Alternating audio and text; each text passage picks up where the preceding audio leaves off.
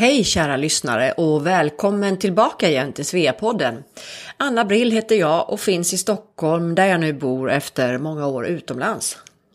Och jag heter som vanligt Maria Schacki och bor sedan snart två år strax norr om Rom i Italien. Det är vi som gör Sveapodden.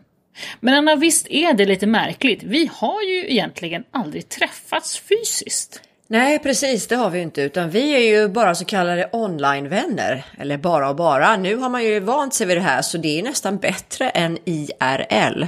In real life. Det känns som vi är jättegoda vänner vid det här laget. Ja.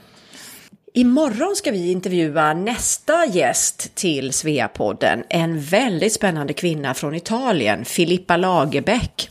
Kolla in henne, hon är en megastor tv-stjärna i Italien som nyligen faktiskt sjöng duett med Zlatan i italiensk tv. Ja, hon kommer faktiskt i Sveapodden om två veckor.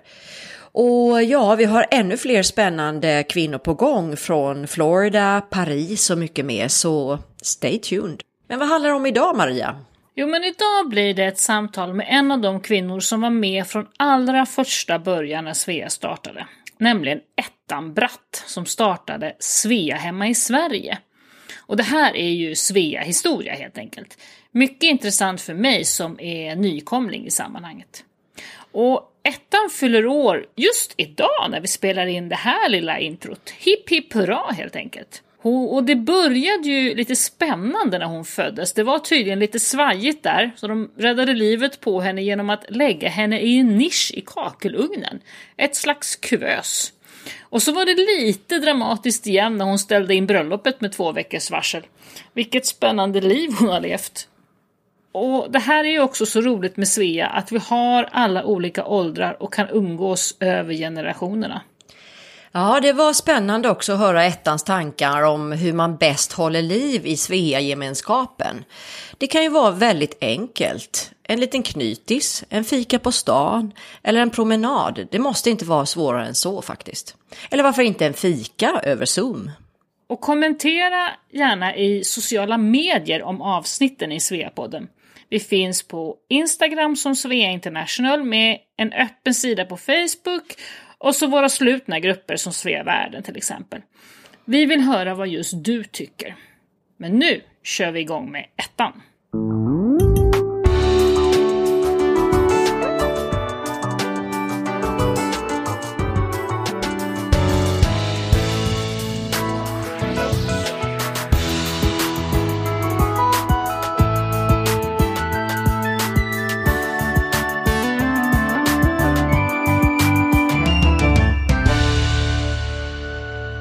Hej, jag heter Ettan Bratt. Jag är en gammal sverev kan man väl lugnt säga. Jag har varit med nästan ifrån starten på grund av Agneta och Gunnar Nilsson. Jag har eh, bott i London ett år, men när Svea grundades, vilket många alltid har undrat, hon bor ju inte där utomlands eller där eller här. Nej, det gjorde jag inte, men min man bodde utomlands i 30 år och vi har naturligtvis rest och varit på många platser på jorden. Jag är uppväxt på landet, eh, konstigt nog på ett ställe som heter Bratteborg, men det har det hetat sedan 1690. Och sen gifte jag mig Bratt och det tyckte ju gårdens befolkning var väldigt roligt. ja, i alla fall så har jag växt upp sen och gått i skola i Stockholm och eh, utbildades först till journalist och har hållit på med PR. Varför jag kom in, eller vi började med Svea, berodde mycket på mitt redan då ganska stora nätverk. Och Svea är ju verkligen någonting som är väldigt viktigt för våra nätverk. Det är det som ger så mycket glädje. Hej Ettan och välkommen till Sveapodden. Du har redan dragit hela historien här nu. Jätte, jätteroligt att ha med dig med ja. oss idag. Och vi hade just tänkt att ha första frågan ja. här, att fråga dig var du kommer ifrån och var du växte upp. Kan vi inte backa ja, bandet och ta det lite först här? Jo då. jag föddes konstigt nog tre månader för tidigt eh, på en gård som heter Bratteborg som inte har någonting med mitt namn som jag sen gifte mig till att göra. Och där åkte min mamma åkte för hon trodde att jag skulle dö. Detta var på landet hemma inomhus som detta skedde. I Småland ligger detta. Men eh, jag tog mig ganska snart. Mina morföräldrar tog hand om mig och jag Bokstavligen så överlevde jag på grund av att mormor la mig i en kakelugnsnisch i två månader. Det var dåtidens kuvös det. Och eh, ja, så småningom i alla fall så har jag tagit mig alldeles för mycket och det var inga problem med den saken. Sen, eh, mina föräldrar hade en villa på Lidingö och eh, pappa var gammal djursholmare. Så vi pendlade mellan Djursholm och Lidingö och jag har gått i skola här i Stockholm och det gjorde jag ända till jag slutade skolan. Och så var jag ett år i Cambridge och var i England ett år efter min uppväxttid så att säga. Men och sen, du, så du, var, du växte upp i Stockholm och gick i skola i Stockholm då, eller på Lidingö kan man säga? Ja. Och sen Ja. hur kom det, det här Ja. sig med att eh, du var journalist eh, på något sätt? Ja, jag var, har alltid varit väldigt road av, av att skriva och annat och med, ja, jag vet inte egentligen varför jag tyckte det. Jag tyckte det var roligt. Och på den tiden gick man ju först som volontär för journalisthögskolan fanns inte. Så jag började på Lena Åkerlund och var där i många år. Det var väldigt roligt. Vad spännande, vad gjorde du där? Ja, jag jobbade på Växtjournalen. Alltså min farfar, Willy Klen, hade varit med och grundat under kriget faktiskt. Han var krigskorrespondent. Och eh, överste var en känd militär på den tiden. Och så var jag, efter Växtjournalen så var jag på något som heter Bonniers månadstidning. Och då var det som jobb liksom, eller var du mer praktikant? Så du hade, en liten, du hade en lön då? Då var det jobb, jag hade lön. Då räckte pengarna lite mera. jag var modejournalist för det var det jag tyckte var väldigt roligt. Och Magdalena Ribbing och jag, eh, hon var på redaktionen, vi höll på med smycken redan då.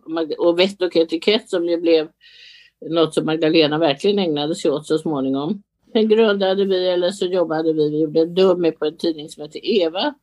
Som eh, vi fick igång men det varade inte så länge. Eh, jag blev sen headhuntad till PR-firma i Stockholm där jag jobbade ett par år. Ja, och sen har det utvecklats med mycket olika saker vad jag har gjort. Får jag, får jag fråga som inte riktigt känner, har träffat dig tidigare här eftersom jag är ganska ny i Svea. Hur får man namnet Ettan? Var kommer det ifrån? Ja, det var så att jag var eller är, första barnet och första barnbarnet på min mammas sida och jag döptes till Elsa och det fanns fyra stycken Elsor i vår familj. En mycket känd Else Klen som var också journalist och, eh, och farmor hette Elsa och, och mormor hette Elsa. Det gick ju inte så att då bara kallade de mig för ettan eftersom jag var första barnet, barnbarnet. Sen blev det faktiskt kvar. Så att idag vet ingen vem Elsa är. När de blir arg på mig, mina gamla vänner, då säger de, då ryter de Elsa. idag är ju Elsa ett av de namnen som barn döps mest Det är ett till. Jättefint namn. Men ettan är ju också Ja, väldigt ja. trevligt. Så att, men nu har jag blivit ettan med alla. Så att det, det är som, ja. Men du, tillbaka till det där då. Så då var du praktikant där och sen var det PR-firman. Vad gjorde du där då? Ja, vi höll på, det var mycket med det. Det nästan som man knappt kommer ihåg som det är på PR-filmen. Men vi gjorde faktiskt någonting roligt. Eh, min chef heter Lars Boström och han gjorde, då fanns marmorhallarna i Stockholm och där gjorde vi år efter år stora köksutställningar. Det var vansinnigt roligt. Det hade man aldrig gjort tidigare och det utställdes ungefär 30 stycken kök och folk började bygga om och göra kök. Det här var ju alltså eh, vad kan det vara, till slutet på 60-talet, början på 70-talet kanske. Nej, slutet på 60-talet. Och det blev en väldig succé. Och så där kunde man ju använda sig av sina både kontakter och PR-knep. Det var väldigt, väldigt roligt. Marmorhallarna var ju ett nav i Stockholm kan man säga. NK och marmorhallarna, det var där folk passerade eller gick. Vid Stureplan. Vad spännande. Bodde du inne i stan då eller bodde du hemma hos mamma och pappa? Nej, då bodde jag faktiskt på Lidingö, den villa som jag idag äger själv. Jag köpte den så småningom, men det var på 90-talet. Men då bodde du Mm. hemma hos mamma och pappa då eller? Ja, ja. ja, i början gjorde jag ju det. När jag var på Lena Åkerlund. Och sen fick jag, hinner ju glömma allting. Jo, sen hade jag en våning på, i stan, på Vallalavägen. Mm. Och, eh, och sen bodde jag väl i stan i 30 år. Men vad hände sen då efter den där företaget? Ja, sen hoppade jag vidare och min pappa hade varit i Amerika. Och eh, han hade då, det hade blivit väldigt, väldigt, väldigt känt. Eller väldigt inne med att man skulle ha heltäckande mattor överallt. Och då tog pappa med sig hem några mattvättsmaskiner. Så han startade ett företag som tvättade heltäckande mattor. För det hade ju inte funnits i Sverige tidigare. Och det där blev så stort och så många anställda så att, och han hade ju inte tid, han var på Scania Vabis. Um, så att eh, då började jag att ägna mig åt det. Det var väldigt, väldigt lärorikt för det var ju verkligen en annan bransch och helt annan typ av människor. Jag är ju väldigt road av människor och jag hade ju alla kategorier men där var även mina kompisar som studerade och jobbade på nätterna hos mig och studerade eller arbetade på dagarna. Det var ganska kul och bolaget blev bra stort så så småningom såldes det. Var du lite chef där då för de andra? Ja, var, jag var vd för företaget. Aha. Och jag också under tiden hade jag skaffat en av de första, ni vet inte om ni kommer ihåg att det fanns något som heter kemomater. Man gick in eh, med fem kilo tvätt. Sånt där som de har i USA menar du? Exakt, och det startade jag en sån firma här på Lidingö och trodde att jag skulle bli stormbreak men det var mest arbete med det så det sålde jag sen. mm -hmm. Du har provat cateringfirma såg jag någonstans också, hur var det? Ja, jag har varit väldigt, alltid väldigt road av matlagning och jag var, det fanns en catering, två cateringfirmor i Stockholm. Den ena hette Didier de Paris och den andra hade en väldigt känd före detta krögare som hette Kirre Danielsson. Han var fantastisk men han började bli lite gammal och tyckte att det var jobbigt så han frågade mig kan du inte ta några av mina kunder? Du kan ju det där. Nej, det kan jag inte. Men jag tyckte det var kul. Så jag började så smått att göra mat eh, hos vänner. Och det blev så lyckat så jag startade ett cateringbolag som heter Bratts Catering. Och det var väldigt, väldigt roligt. Jag fick stoppa, jag fick bara ägna mig åt det och det tog dygnet runt. Det var ju bära, konka och hämta och lämna. För på den tiden kunde man inte hyra bord och stolar och bestick på samma vis som man gör idag. Så att det där gick ju som tåget och alla vänner som var olika chefer på företag an, anlitade mig. Så det gick jättebra. Men du var spännande, jag måste bara fråga, vad var det för mat som var populär då? Är det inte så här lite, det i mat? Var det annan mat man beställde då än nu? Det var ju inte så vanligt med bufféer på den tiden så att Ja, det fick jag ju föreslå, men maten, det gjorde man ju upp menyer precis som man gör idag. Men idag är det ju mycket mera världsvitt med mat. Det är klart att det var väl kanske ripsuffléer och sådana där saker som inte finns längre. Nej, vilka år var det här ungefär? Det var eh, i början på 70-talet. Men du lagar fortfarande mycket mat? Nej, inte så mycket. Jag tycker det är kul men är absolut inte som man var ju lite flinkare för. Nej, det, jag, så småningom blev jag, på grund av att jag höll på med det här så blev jag ju erbjuden att, att driva restaurangrörelsen på herrklubben Sällskapet i Stockholm. Och de behövde medlemmar eh, för dem för en tynande tillvaro och där kom mitt nätverk in igen. Eh, och det var ju på Sällskapet som Svea Sverige egentligen började för där hade vi den första lunchen. Men berätta lite om det där sällskapet för det är inte så många som känner till det. Vad är det? Nej, Finns det fortfarande? Det är en herrklubb och den är ifrån, eh, ja den är väl 250 år gammal. Och den ligger, eh, det fanns en gammal krog som heter, eller krog och restaurang, Hotell Ryberg i Stockholm. Eh, den revs och då grundade x antal grosshandlare Eh, köpte upp det här huset på Blasieholms torg där det fortfarande ligger eh, och grundade denna herrklubb som då heter Sällskapet. Och detta sällskapet grundade egentligen på Birger på Klas på hörnet på, eh, ganska tidigt egentligen på 1800-talet så möttes man där. Men det blev ju för litet och för trångt så hela det Eh, förflyttade sig sen. De köpte det här huset tillsammans. Och idag är det en stor verksamhet och medlemmarna ökade med många hundra under min period där och idag är det oerhört välskött och går väldigt bra. Men det var en slitsam tid. Det var ju roligt som bara den men eh, klubbar är ju på det viset att vi har systerklubbar över hela världen i London, New York och vad du vill. Om man är medlem så kan man då bo eller äta på dessa klubbar. Mm.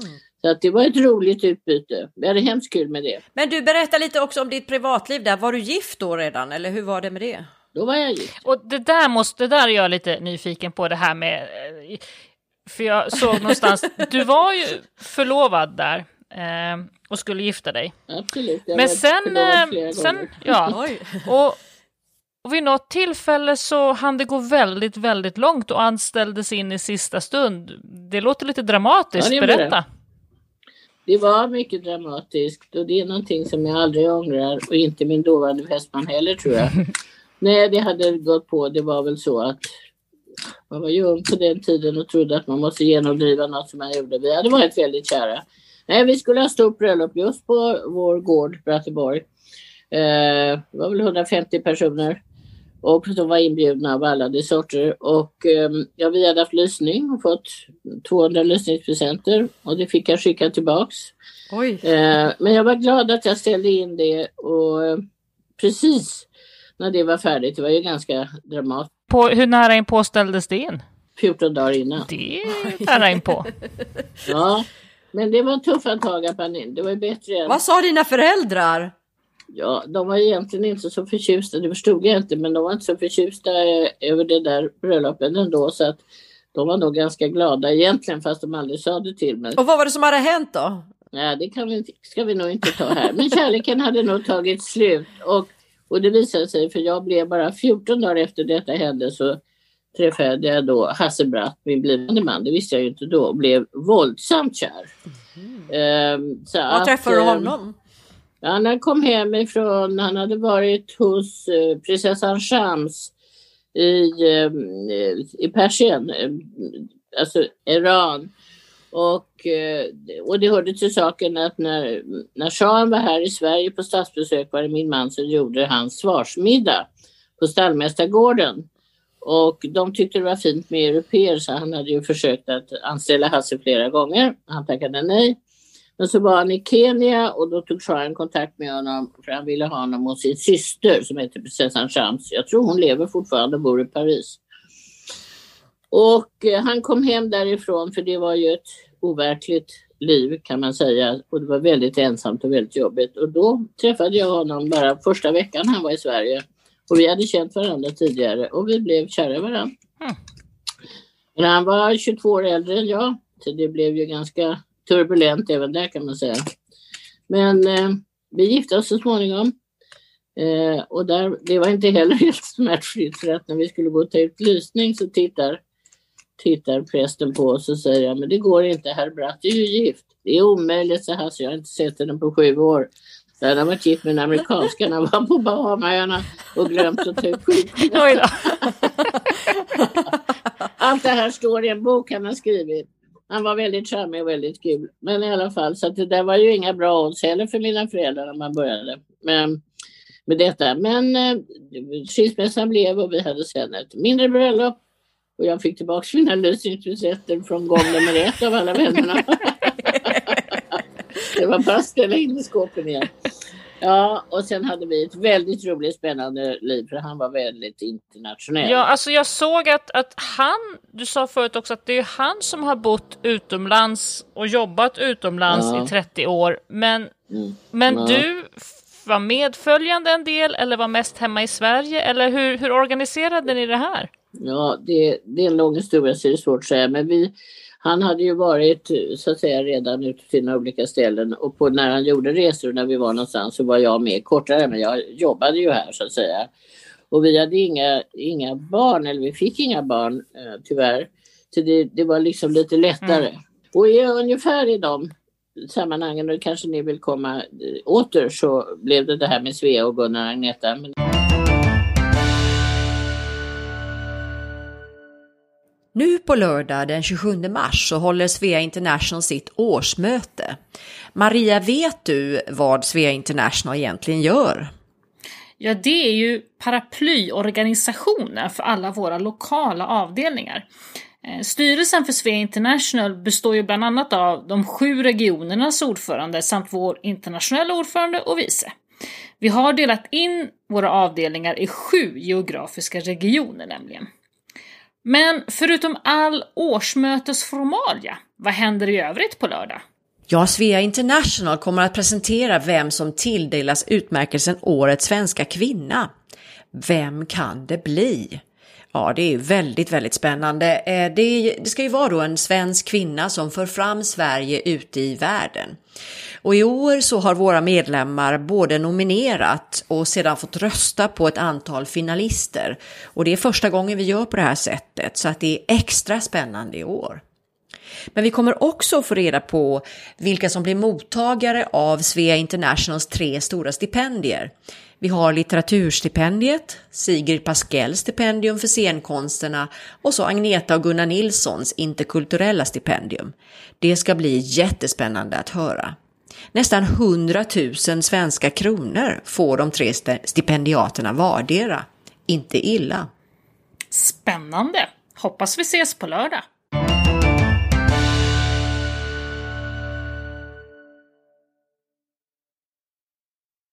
Nej men det, vi, vi är nog där nu. Det som du inom Svea-kretsar är mest känd för så att säga, mm. det är ju att du har startat just Svea Sverige. Eh, hur gick det till? Och då var det så här, alltså Gunnar Nilsson, Agnetas man och min man var gamla, gamla nära vänner. Agneta och jag kände inte varandra, vi hade träffats men vi umgicks inte eller kände. Och sen så ville, Gunnar bodde alltid hos oss och jag hade en våning på Birger vid Jarlaplan. Och där hela Svea har växt upp, eller jag säga. Det, grunden var där under tio år kan man säga. Eh, men, och Gunnar bodde alltid hos oss och så bjöd han ut mig för han tyckte att jag och Agneta skulle lära känna varandra. Så jag åkte till Los Angeles. Där hade min man en eh, då boende en son eh, som han inte hade så mycket kontakt med men som jag åkte över för att träffa. Och då sa Agneta att nej, vi måste, då, då sa hon, vi har, hon berättade då om Svea eh, och garaget och allt det här som vi har hört historien med hon grundade. Hon är ju en fantastisk person att eh, hon var, hade ju en entusiasm som var enorm. Och då sa hon att ja, nu har vi bara, hon började ju med de här julbasarerna i kyrkan och Svenska kyrkan delar väl med Norska kyrkan har jag för mig. Och de, hade de första tre åren i Los Angeles så hade de ju julbasarer som var väldigt lyckade. Och då sa han, kan inte du hjälpa mig att få ut, få ut svensk, saker ut i den här julbasaren? Så jag åkte hem och eh, sa det är klart att jag ska hjälpa till med det där. Och blev då medlem i Los Angeles som då var tre år gammalt eller ungefär två, tre år gammalt. Så jag blev medlem där först. Men det var ju mer för att stödja. Och sen hade vi ju alla kontakter. Gunnar jobbade på SAS och jag var god vän med Janne Karlsson så det var inga problem att skicka ut hur mycket paket som helst. Och jag raggade då eh, saker ifrån mina vänner på Bonniers, gav massor med böcker ut i bilen, ut i Arlanda. Någon stod och tog emot. Det var ju så lätt allting. Det var inte så komplicerat. Och det här var 82, 83 någonting sånt där då? Ja, det började ju tidigare då för att det var ju när Los Angeles fanns. 79, 80 kanske. Ja, ja. 80. Ja, liksom. Och, eh, och på Marabou så hade vi vänner som jobbade så vi fick hur mycket choklad som helst, stora stora, ut i bilen till Arlanda, av med det och så vidare och så vidare. Så att på olika sätt så kom det mycket grejer som kom till julbasören och det gick som tåget. Och Agneta, de hade aldrig en enda grej kvar. Det sköttes oerhört väl av de svenska flickorna med Agneta i toppen där. Och så fortsatte det och till slut så sa Agneta, hör du, kanske ska göra någonting för svenskar som kommer tillbaks till Sverige, göra någonting. Och Agneta har alltid varit hemma på somrarna.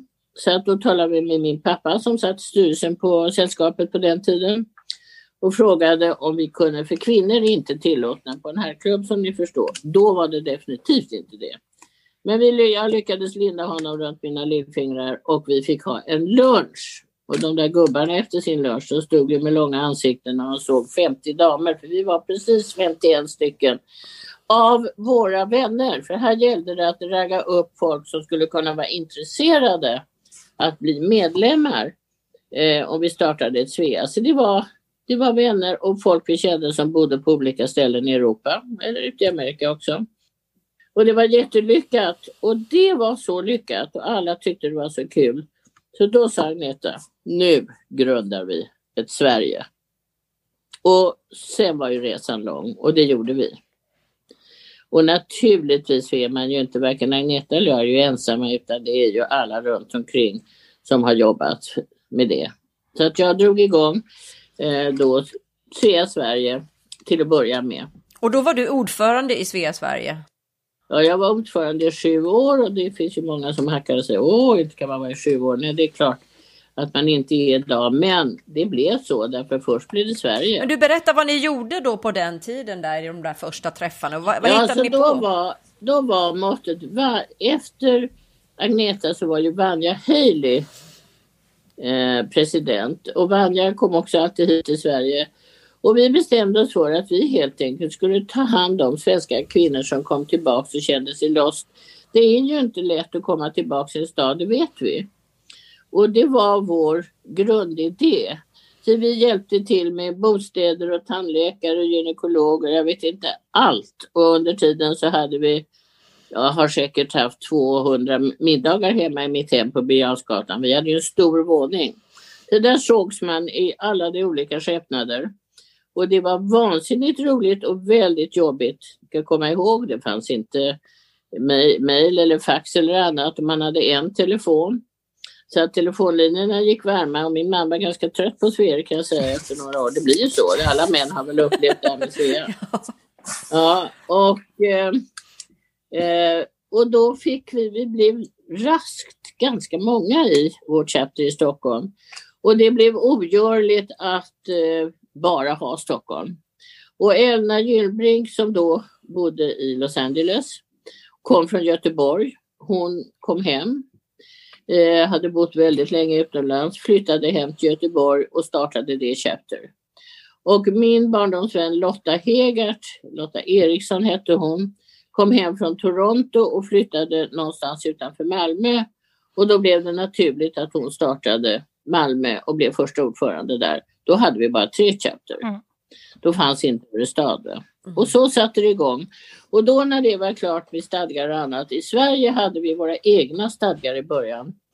Eh, eh, hon heter Wolf som var advokat och gjorde dem. Men sen blev det ju, förstod vi att vi var tvungna att, Gita Patterson sa nu måste vi ha, ha stadgar som håller över hela världen. Och Gita har ju varit fullständigt ovärderlig för Svea. Så hon jobbar ju fortfarande med våra olika stadgar och problem som finns. Men då blev det nya stadgar och sen så var jag då ordförande i fyra år för Stockholm. Vad hittade ni på då i Svea Stockholm? Ja, alltså man gjorde ju ungefär vad man gör idag. Det var ju bara att det var nytt. Och vi, vi, vi hade middagar eh, som sagt hemma i mitt, mitt hem. Man var kanske 30 eller 50 personer, det var lite olika. Så fort amerikanska tjejerna kom hem och hade någonting så hade vi föredrag de som kom hem. Det kom ju ofta eh, olika som skulle sälja produkter och hade börjat med olika företag i Amerika. Eh, så man hade en linje att man alltid de fick presentera sig. Och det var ju alltid roligt. En, en sak vet jag som jag läste om du, ettan som du sa, att eh, du tyckte att det var så trevligt att ni just träffade så mycket hemma hos varandra. Att det behöver inte ja. vara så stort med Svea. Kan du inte utveckla Nej. det lite? Ja, det är någonting som jag önskar skulle kunna, kunna komma tillbaks till. Man kan inte begära, alla bor ju verkligen inte stort, men man kan, man kan ses i alla möjliga små former. Och det behöver inte vara märkvärdigt. Det kan vara lite pasta eller man kan ta, ha knytis eller jag menar, jag hade flera gånger sagt ta med en, eh, en flaska vin eh, och en halv kyckling och sen eh, hade jag porslinet och alla dukade upp och, och, man hade lite bröd och en hade bakat en kaka och sånt där. Så var det inget svårt att ta emot. Fortfarande tycker jag sånt är ganska kul. Så att det, det var ju inte så, och pengar fanns ju absolut inte. Utan de som hjälpte mig med allting när vi skulle skicka ut det var ju brev. Man satt ju där och klistrade och klippte själv. Um, jag vet inte hur många brev som skickades från Anders Walls Beijerinvest. Han hjälpte oss ekonomiskt med att vi fick använda frankeringsmaskinen, kopieringsmaskinen och A4-blad. Mm. Och så här, och Bonniers likadant. Så att jag har mycket att tacka för dem faktiskt. För att eh, under tre, fyra år så kostade det inte Svea en krona att vi körde igång. Mm. Men det var ju ohållbart på lång sikt. Men så började det i all enkelhet. Vi ställde upp för varandra. Sen kom Gunnar hem eh, skulle komma och bo några dagar hos, oss och eh, hade med sig en låda och när han packade upp lådan så var det en fax. Den hade man ju aldrig sagt, mm. sett. Det var Oj, roligt. Jaha. Ja, och då var vi tvungna att eh, ta ett telefonnummer till. Vi säger att på mitt kontor som låg på Gärdet så tvingade jag kontoret att sätta en, en telefon. Och det där, alla sa fax kan man väl inte ha, kan man inte använda. Och det rann ju ut, rullar ur den där, inte minst från Agneta. Och ni kommer ihåg de där papperna, efter två månader så var ju hela texten borta. Ja. Det, det, var ju svårt att bevara. Men visst är det otroligt vad tekniken har gått framåt. För till exempel eh, förra året nu då 2020 som var sånt jobbigt ja. år så har ju vi haft en massa ja. online-grejer och det är ju du, du hänger med på det också, eller hur? Ja absolut, jag tycker det är fantastiskt. Jag tycker det här Zoom är jätte, jättebra. Men, ehm, och det gjorde ju det att allting förändrades och Gunnar hade även med sig en, en sån här lös telefon det hade vi aldrig sett. Vi hade ju fasta telefoner. Vi hade två i vårt hus. Eller i vår våning. Eh, och då, jag fick räkningar som gick på den tiden då på 10 000. Det var ju fruktansvärt. Då visade det sig att det var någon annan som hade flyttat hem från någon del i världen och hade med sig en sån där telefon. Och då hade ju inte Telia synkat så jag fick ju alla deras telefonräkningar. Mm. Ja, men det redde upp sig. Men det var liksom teknikens början. Ja. När mejlen kom så blev det ju en det är ju helt otroligt ja. du, hur vi kan jobba. Du, jag tänkte på, på det här med, med Svea Sverige och sådär. Nu har vi ju precis nylanserat här Svea Sverige-samarbetet och det är ju jätte, jättespännande. Eh, ja. att, att avdelningarna i Sverige samarbetar. Jag tänkte så här, eh, vad tror du det är människor som flyttar hem till Sverige och kvinnor så här behöver? Vad är det man, man söker liksom från Svea när man flyttar hem? Alltså de som har bott på sina respektive platser har vi kanske ett kontaktnät och släkt kvar. Men det finns ju många som kommer hem med en familj och har gift sig som inte har någon kontakt alls. Och vi vet ju hur svårt det är i samhället idag att få en ny doktor eller ny tandläkare. Det är fullt och ingen får tid och sådär. Att jag tror att det, där har vi gjort väldigt mycket viktiga saker och hjälpt många. Många är ensamma man tar med dem, tar med dem eh, när man själv har en middag så de får träffa andra människor än den sfären som de själva är i. Sånt gör jag mycket och gör fortfarande faktiskt. Så kommer de, Svea är de enda utom mitt eget stora umgänge. Om någon ringer och säger vi är i Stockholm inte har någonstans att bo så får de bo. Jag har haft hundratals boende hos mig, vilket jag bara tyckt var kul. Och, eh, och säger kom hem och ät middag. Vi måste ju börja mm. någonstans. Och jag tror fortfarande på det, för vi är ju inte mer än människor. Det där är ju ledordet världsvid vänskap. Det lever du verkligen i din Exakt. vardag. Ja, och det är verkligen en världsvid, för att Svea har gjort oerhört mycket för varandra, eller vi har gjort för varandra. Och vi har ju fått um, en, en vänskap över hela världen som är fullständigt unik, anser jag. Vad är det bästa med Svea för dig? Är det det här med, med vänskapen? Ja, världsvida vänskapen och att vi behåller svenskheten för de som, som blir kvar utomlands och kanske inte har möjlighet att komma hem till Sverige och ändå har en vänskap och nu då via nätet på det här viset och Zoom och sånt så kan man ju umgås på ett annat sätt. Mm. Men eh, det är en världsvid vänskap som är unik. Finns det någonting du önskar dig av Svea i framtiden? Ja, att alla yngre får den här Svea-känslan som jag tycker är viktig. Att man inte bara rusar på och allting måste vara stadgeenligt och eh, alltså förstelt utan man måste bjuda på sig själv, ta hand om varandra. Att det fortsätter. Ja, just det. Det tycker jag vore väldigt viktigt och att det blir ett Svea Sverige igen. Jag var jättenoggrann med det under mina sju år och även Marga Vaida som var ordförande efter mig då sågs vi en gång om året hos varandra i Göteborg, Stockholm eller i Malmö för att se vad vi kunde göra för varandra och jämföra våra chapter. Och när det dog ut vet inte jag riktigt. Jag är väldigt glad att det har tagits upp igen för det tror jag också är viktigt. Vi är så stora idag. Mm. Vi måste hålla ihop. Jag såg någonstans att du har en speciell häst i din trädgård. En Sveahäst. Vad är det? Berätta. Mm. Jo, Agneta hade ju då blivit alldeles lyrisk när hon var på olika ställen i världen och såg de här korna cowparaden var ju roliga. Ja, utställning i, i, var det ja, över hela världen. Ja, precis. De såg över i, i städerna överallt och då säger Agneta en dag, eh, ringer hon och så säger hon, du vi kanske skulle göra en horse parade i Stockholm. Ja, varför inte? Och då började ju Agneta med olika eh, av sina, hennes nätverk är ju lika stora som mina. Och, eh, hon raggade då upp genom Jean Nico i Dalarna, han hade gård i Dalarna och, eh, och kände alla runt omkring. Så att i Nusnäs, både han och Agneta, de lyckades förhandla fram att vi skulle kunna få göra verkligt stora dalahästar. Och Nusnäs är ju för de lyssnarna som inte vet, det är ju liksom dalahästarnas hemby, är ju Nusnäs. Exakt, det där görs alla äkta, riktiga dalahästar och görs fortfarande. Ja. Och en kvinna som heter Eva Modig, jag vet inte om hon är Svea fortfarande, hon var underbar och hon ledde oss där. Det här är så mycket att tala om så det går nästan inte. Men då fick jag naturligtvis uppdraget att gå ut och ragga och sälja till företagarna i Stockholm. För vi, vi såg ju för, framför oss precis som det var i Berlin och London över att det skulle stå en, ku, en ko och nu i det här fallet en häst i varje gathörn. Så jag tog kontakt med H&M och alla möjliga. Och det var väl bra. Men då kom Stockholms stad på att nu skulle de ha en cow parade i Stockholm precis när vi tänkte ha det. Attans. Eh, och det var ju i samband med vårt 25-årsjubileum tror jag. Men då hade vi börjat göra hästar och det var väl en 12-14 hästar. Och då fick vi göra, och de är ganska dyra, de väger ju ett ton. Men då utlyste Agneta, det var hennes idé att vi skulle måla de här hästarna Sveer som eh, var konstnärer.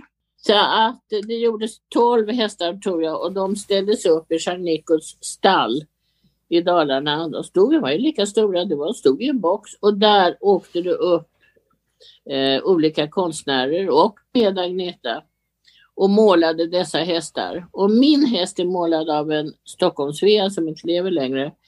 Eh, så jag sponsrade den och sen blev det, ja, genom också nästa kontakt och jag tog kontakt med Stockholms stad att när ni har gjort det här så får ni ge oss en plats där vi kan ha de här hästarna. Och då fick vi lov att ställa dem på Strandvägen. Och det var superlyckat för de stod ifrån Djurgårdsbron fram till Nybroplan. Mitt i, mitt i allén där på något vis eller? Mitt i allén och det var jätteroligt och väldigt uppskattat. Och, eh, men det gick liksom inte att göra mer av det. Och sen gick det, hade Skansen några av de här hästarna för vi fick ju bara ha dem fram till mitten på september eller något sånt där. Men sen kom ju myndigheterna på att oj, oj, oj, om det klättrar upp en unge och bryter benet, vem ska betala försäkring för det? Alltså det kom in sådana saker. Men vi hade haft jubileet ute på konfidensen och därför skänktes en häst som var målad till prinsessan Kristina och Kerstin Dellert och hästen fick stå där och kom dit och det var jätteroligt och den var älskad ute på Ulriksdal. Men så kom det en dag när Statens fastighetsverk sa nej, nu får inte hästen så för ingen vill betala försäkring för den och barnen får inte klättra. Så nu står den på en liten, liten ö i två dammar som jag har i Småland. Men alla andra hästarna, var står de någonstans nu? Ja, det är olika delar i världen. En står till exempel i eh, Åsa-Lena Löv Eh, den skulle stått på konsulatet i eh, Miami. Men den gick inte in i hissen så han kunde inte ha den. Så de fick den plötsligt åka ut till deras trädgård. Sen har det funnits, jag har liksom glömt på alla ställen. Den kom ju till Los Angeles och den vet jag att Agneta har låtit restaurera nu nyligen förra året för att de har ju så mycket maskar och grejer. Just det, det tror jag vi har skrivit om mm. i någon av våra medlemstidningar i forum. Jag vet inte riktigt vad alla hästar är, men sex, sju stycken åkte ut i världen och en köpte jag, den Stockholmshästen. Hur stora är, hur eh, stora är de där hästarna? Ja, de är som en stor arbetshäst och väger nästan ett ton. Wow! Så att min häst, och min häst stod länge på Skansen, men nu står den, och jag hade tänkt ta ner den till min gård i Småland, men den står fortfarande kvar här i, i, på Lidingö i trädgården. Och alla ungar älskar ju på våren när de går förbi. De frågar om de får komma in och sitta på hästen. Men du, vi hoppas att du får, får ge oss ett bild på den där hästen. Kanske med snö på nu då, eller? Ja, nu var den massor med snö och ljus i den. Den är helt inbäddad i snö. Ja. Den är jättefin. Roligt. Så så var det med det. Svea var ju välkänt i mångas mun. Va? Alltså när vi hade våra eh, att vi möttes ju i augusti. Vi hade kommit fram till att 15 augusti är en otroligt bra tid. Så då hade vi alltid en stor Stockholmsmiddag, en Sverigemiddag. När började det, hade... ettan? När satte ni igång med det? Ja, det måste ju ha varit på... Och vem kom på den idén? Var det du? Det var nog Agneta och jag ihop. Vi, alltså, det gjorde vi ihop och med Vanja Haley och ja, med de presidenter som var för att vi jobbade. Vi hade ju sett att det var ju då folk var hemma. Eh, så det var ju märkligt att vi förra gången hade ett Sverigemöte, vårt jubileum, eh, en tidigare tid för folk.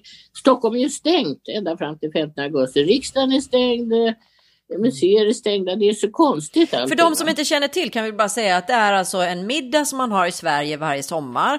Och många som är hemma under sommaren som kanske bor utomlands, eh, många sveor då deltar och vi kallar den för Sverigemiddagen och den brukar äga rum då i augusti. Nu är den ju tyvärr inställd i år. Men eh, ja. planen är väl nästa år tror jag, i Malmö. Det är så här att i Malmö hade vi alltid i juli och i Göteborg passade det bättre första veckan i augusti och sen var vår andra eller tredje veckan i Stockholm. På grund av att, hur folk levde och var men nu har de helt andra tider och då har inte folk samma möjligheter. Nej, precis. Tyvärr. Du Ettan, vi tänkte också så här att eh, det är väldigt spännande. Du är ju en person som är väldigt eh, ute och är engagerad i många olika saker, bland annat den här 1,6 miljoner klubben. Kan du inte bara, nu ska vi prata om Svea här såklart, men vi vill gärna höra vad är 1,6 miljoner klubben?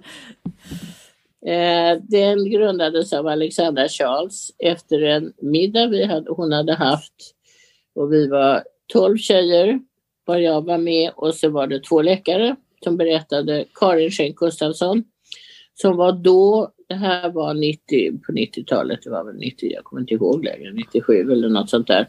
Eh, fanns det bara en kvinnlig läkare i hjärt och kärlsjukdomar i Sverige. Hon heter, hon heter Karin Schenk Gustafsson. Hon berättade i ett för, och så var det en gynekolog, Britt-Marie eh, Landgren. Och de berättade att all, berättade då att all forskning på mediciner görs bara på apor och på militärer, alltså välutbildade killar i det militära. Och det kan man ju förstå att det var fullständigt vansinniga doseringar till oss kvinnor. Bland annat. För vi är ju inte som, som män. Alltså, män i 23-årsåldern, det var ju helt tokigt. Och hon har varit ute, denna Karin Schenk nu under de här 20 åren. Och nu, nu har det ändrats. Nu gör man inte forskningen på det viset så det har gjort mycket gott. Men i alla fall så bestämde vi, så träffades vi alla många gånger och med andra läkare, kvinnliga läkare och då sa Alexandra, nu startar vi eh, en klubb om eh, kvinnliga sjukdomar att hjälpa till här för, för människor. Och det har ju blivit fantastiskt lyckat och oerhört stort. Men var kommer namnet ifrån, 1,6 miljoner? Och det har ingenting med pengar att göra utan det hade kom då eh, Alexandra och någon annan på eh, att vi var 1,6 miljoner kvinnor över 50 år. Ah. Och då bara blev det så och nu eh, och för några år sedan så grundade man det har blivit så stort så här, vi har ju 40 000 medlemmar idag. Va? Eh, så startade man 2,6, det var kvinnor under 50 år. Och det är en fantastisk organisation och där är det många sveer som har varit med och hjälpt till och, och som är medlemmar. Och de kan du också kontakta 1,6 om du är sveer ute i världen för att få hjälp med läkare och annat. Ja, vilket, vad fiffigt, det var ju väldigt intressant. Uh... Ja, det är det och Alexandra har skött det med en bravur, det är helt otroligt. Mm.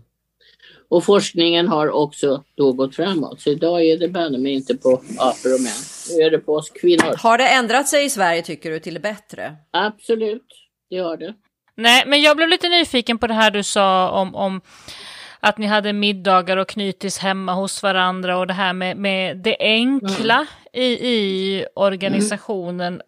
Och jag tänker lite grann på, på, framtiden. Vi pratar om det här med världsvid vänskap som är det bästa med Svea. Vad, vad, tänker du, vad är viktigt för Svea i framtiden att tänka på? Hur ska vi tänka och organisera oss? Vad ska vi göra, tänker du? Om du får skicka med någonting till den yngre generationen. Ja, nej men jag, jag har ju Jag kände när vi var i Dubai så var det ett fantastiskt eh, världsmöte men, men då kände jag för första gången att här, nu är Svea så stort. Nu gäller det att få ner det på den nivån att man verkligen kan ha en sammanhållning. Mm. Eh, och det vet jag inte riktigt. Det kan man ju naturligtvis i varje de har ett chapter som är 25 stycken någonstans och eh, 40 stycken någonstans och 100 någonstans så är det ju faktiskt lättare. Det är när vi alla ses som det blir väldigt, väldigt stort och det var stort i Dubai och det var otroligt välorganiserat. Men jag hoppas att alla, alla är med av samma anledningar. Det är vår, vår kärlek till Svea eller vår, vad ska vi säga, vår vänskap till Svea.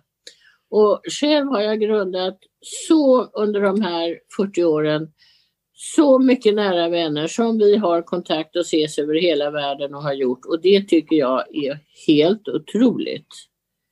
Eh, och vi har alla olika ordförande. Kristina Moletés var en fantastisk ordförande.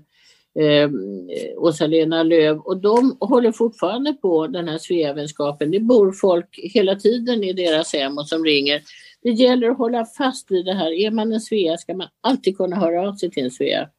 Jag har ju fullständigt okända människor som ringer till mig fortfarande och säger ja, jag heter så och så, jag är Svea i Bryssel och jag har ett barnbarn som inte hittar en våning i Stockholm. Då får man inte klippa av det utan man säger jag ska se vad jag kan göra. Men han eller hon är välkommen att bo här en månad medan ni söker efter en bostad. Så har jag mm. gjort. Om man nu har möjlighet till det. Och jag tror att den där varma vänskapen är väldigt, väldigt viktig. Jag tänker mm. att det här som vi, vi, pratade om med vänskapen och det här vardagliga, naturliga, det är kanske också någonting eh, i, när man gör program och så vidare, att allting behöver inte vara så fruktansvärt genomtänkt och, och piffigt vad gäller program, utan att eh, det också har ett väldigt stort värde med de enkla mötena, med att bara träffas och samtala eller gå en promenad eller ha ett knytkalas. Eh, att alla program inte behöver ha en mer mening än så, att det, att det är lite grann i grunden. Det var helt rätt det, och jag tror att detta kanske kan komma väl ut ur pandemin. Eh, vi hade en Svea, eller har en Svea, för hon är fortfarande medlem, som heter Josefin Karlsson. Hon kom från, från Köpenhamn och jag tog kontakt med henne en gång när hon flyttade till Stockholm. Hon blev senare ordförande här faktiskt. Hon har faktiskt grundat något som hela världen använder sig av och det är våra onsdagsluncher en gång i månaden. Och det har ju varit fantastiskt lyckat.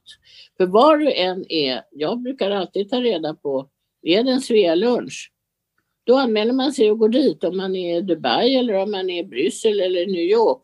För då träffar man ju andra svenskar. Det är en väldigt lätt sak att så att säga komma in i och där är alla välkomna. Är det fullt så är det fullt men jag menar det då pillar du ju alltid in Är det lite grann samma princip som, som de här Rotary-träffarna som man vet att vart man än är i världen och är medlem i Rotary kan man alltid dyka upp på en träff för de är samma dag jämt och ständigt. Just precis. Och det här är ju då ett mindre format därför att ofta ibland kan man ju vara en lunch på åtta personer och det är ju toppen för då kan man ju verkligen tala med varandra.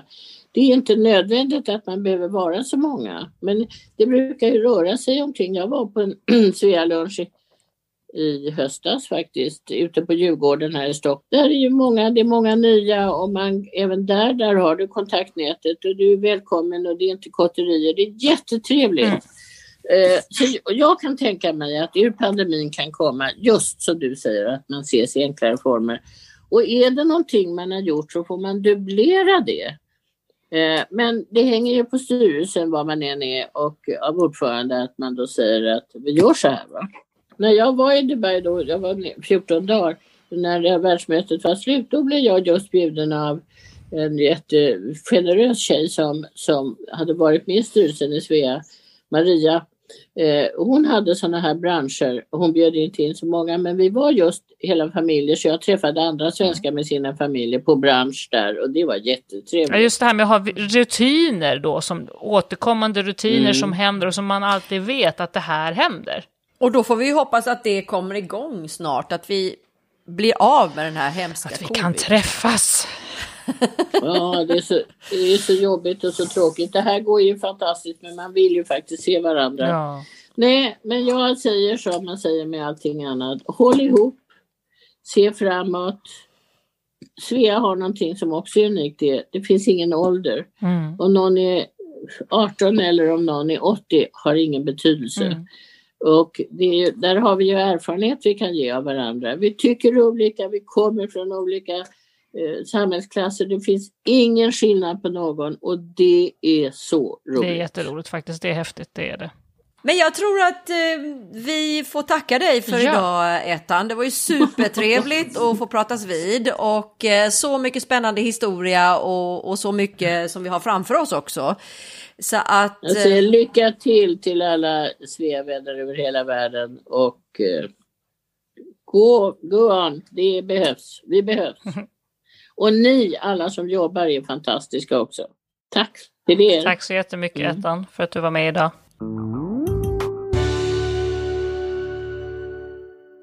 Tack för att du har lyssnat. Den här podden är inspelad och producerad för Svea International av Anna Brill och Maria Schacki. Musiken är skriven för Svea av Fredrik Åkerblom. Sveapodden finns nu på de allra flesta ställen där du hittar poddar. Eh, Apple Podcasts, Google Podcasts, Spotify, Acast och alla de här. Om du saknar något ställe, skicka ett mejl till oss på sveapodden gmail.com. Mer information om Svea hittar du på vår webbplats svea.org och i sociala medier där vi finns på Facebook, Instagram och LinkedIn och där hittar du oss som Svea International.